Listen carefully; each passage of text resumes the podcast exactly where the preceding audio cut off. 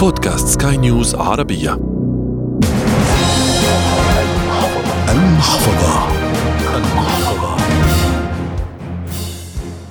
أهلا بكم في هذه الحلقة الجديدة من برنامج المحفظة والذي يعنى باقتصاد الفرد وبكل ما يؤثر في أمواله من مصروفه الشخصي حتى استثماراته المالية وبكل ما يمكن أن يوفر عليه ويحسن من دخله. تأتيكم هذه الحلقة على منصة بودكاست سكاي نيوز عربية على Google و Apple و Spotify. في الإعداد والتقديم أحمد الآغا. هذه الحلقة عن العملات الرقمية التي أصبحت حاضرة بقوة بعالم التكنولوجيا وتطوراتها ويشبه الاقتصاديون تداولها ببورصة الأسهم. فالربح ممكن وكذلك الخسارة لكن على كل من يتعامل بها أن يكون حريصا وأن يبحث كثيرا عن شركة موثوقة وليست وهمية. فمن الممكن أن يخسر كل أمواله في يوم وليلة. فرؤية أرباح العملة الرقمية تصعد بقوة إلى أرقام كبيرة تفتح للطمع أوسع الأبواب. ضيفنا في هذه الحلقة المحلل المالي والصحفي المختص بالشأن الاقتصادي محمد جلال الذي قال إن أكثر من ثمانية ألاف عملة مشفرة تتواجد الآن بقيمة تصل لتريليون دولار. سوق العملات المشفرة هو سوق جديد.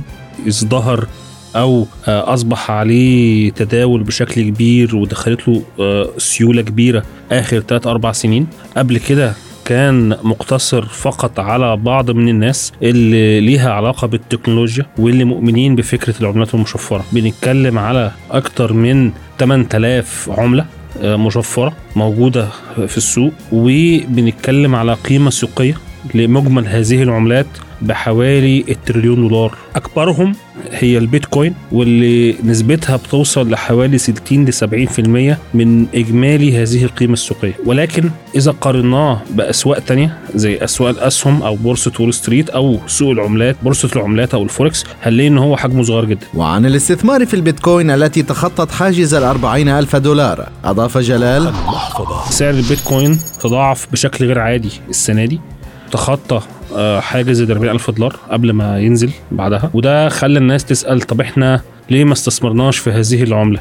طيب هل لسه في فرصة إن إحنا نستثمر فيها؟ طب أنا عايز أستثمر فيها بس أنا خايف أو أنا عايز أروح آخد قرض وأستثمر في هذه العملة. خلينا بس نرجع للأساسيات الخاصة بالاستثمار بإن لا تضع البيض كله في سلة واحدة. يعني من أساسيات الاستثمار إنك ما ينفعش تحط فلوسك كلها في حاجة واحدة بس بتوزع الاستثمارات بتاعتك على أكتر من قطاع وعلى أكتر من سهم على اعتبار إن لو في قطاع تضرر التاني آه، يشيله. أو لو سهم خسر في قطاع ما السهم التاني بيكسب فيعوض الخسارة في القطاع ده. وعن مخاوف التعامل وشراء هذه العملة قال المحلل المالي محمد جلال إن الخطر الأكبر يكمن في أن هذه العملات غير خاضعة للرقابة والتنظيم.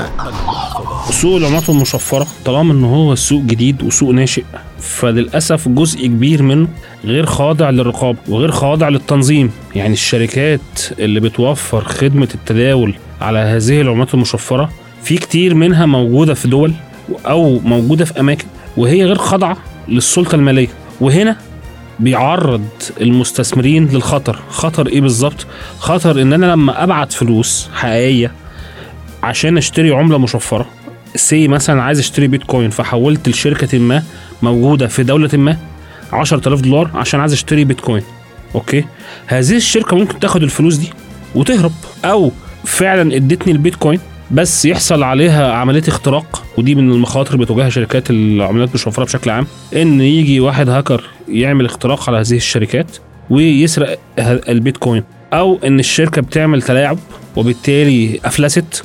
وأنا مش هقدر آخد فلوسي منها. وعن طريقة وكيفية تداول العملة أكد الصحفي في الشأن الاقتصادي محمد جلال أن الطريقة غاية في السهولة.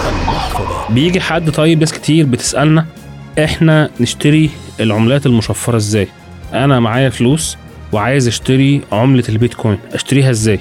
الموضوع سهل جدا. في منصات موجودة في أكتر من مكان في العالم بتفتح فيها حساب عادي جدا زي ما بتفتح حساب في اي على أي منصة. بيطلبوا منك أوراق معينة وبعض الإثباتات اللي تثبت إن أنت هذا الشخص وإن مصدر أموالك منين وبتقبض قد إيه وحاجات زي كده.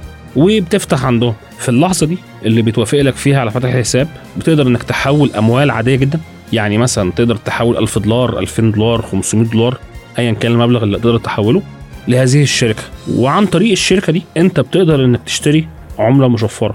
على حسب الشركة دي موفرة كام نوع عملة عندها. طيب انت فتحت حساب في الشركة دي وحولت لها فلوس ودخلت عن طريقها اشتريت جزء من البيتكوين أو اشتريت عملة مشفرة عن طريقها. وهذه العملة سعرها ارتفع وبعتها وكسبت فيها. وبالتالي أصبح عندك مبالغ مالية موجودة عند هذه الشركة. عادي جدا بتبعت لهم يا جماعة والله أنا عايز الفلوس دي حولها لي على حسابي. وبكل بساطة بتتحول لك. المهم جدا جدا جدا جدا إن تكون الشركة دي مترخصة وخاضعة لهيئة رقابية قوية خصوصا في دول زي الولايات المتحدة الأمريكية. أما عن مستقبل العملات الرقمية فكانت الإجابة. ممكن كمان إن إن البيتكوين تختفي. وارد. ما ما حدش عارف. لأن فعلا هذا السوق سوق العملات المشفرة هو سوق جديد. سوق لسه آه، المستثمرين بيكتشفوه. لسه الدول بتعمل عنه دراسات. ف آه، القريب آه، هي تفضل موجودة. ولكن على المدى الطويل لأي مدى ممكن الناس تفضل تستخدم هذه العملات؟ لأي مدى تفضل البيتكوين عملة مفضلة عند الناس؟ لأي مدى ممكن إن البيتكوين تحل محل أصول تانية تقليدية زي الذهب؟ كل الحاجات دي مش هنقدر نعرفها دلوقتي غير بعد سنين. لأن أصبح هناك توجه عالمي من الدول إن هي بتعمل عملاتها الرقمية. وبعض البنوك أيضا ابتدت تعمل عملاتها مشفرة لتسهيل عمليات التبادل والمدفوعات وتحويل الأموال. فبقاء هذه العملات ما حدش عارف هل هتفضل موجودة. في النهاية أنت أدرى فقرارك بين يديك. في نهاية هذه الحلقة نشكر ضيفنا المحلل المالي والصحفي المختص بالشأن الاقتصادي محمد جلال. وكل الشكر لكم على المتابعة. إلى هنا تنتهي هذه الحلقة من برنامج المحفظة والتي أتتكم على منصة بودكاست سكاي نيوز عربية على Apple و Google و Spotify. تقبلوا تحيات أحمد الآغا من الإعداد والتقديم وغسان أبو مريم من الإخراج الإذاعي. إلى اللقاء. المحفظة.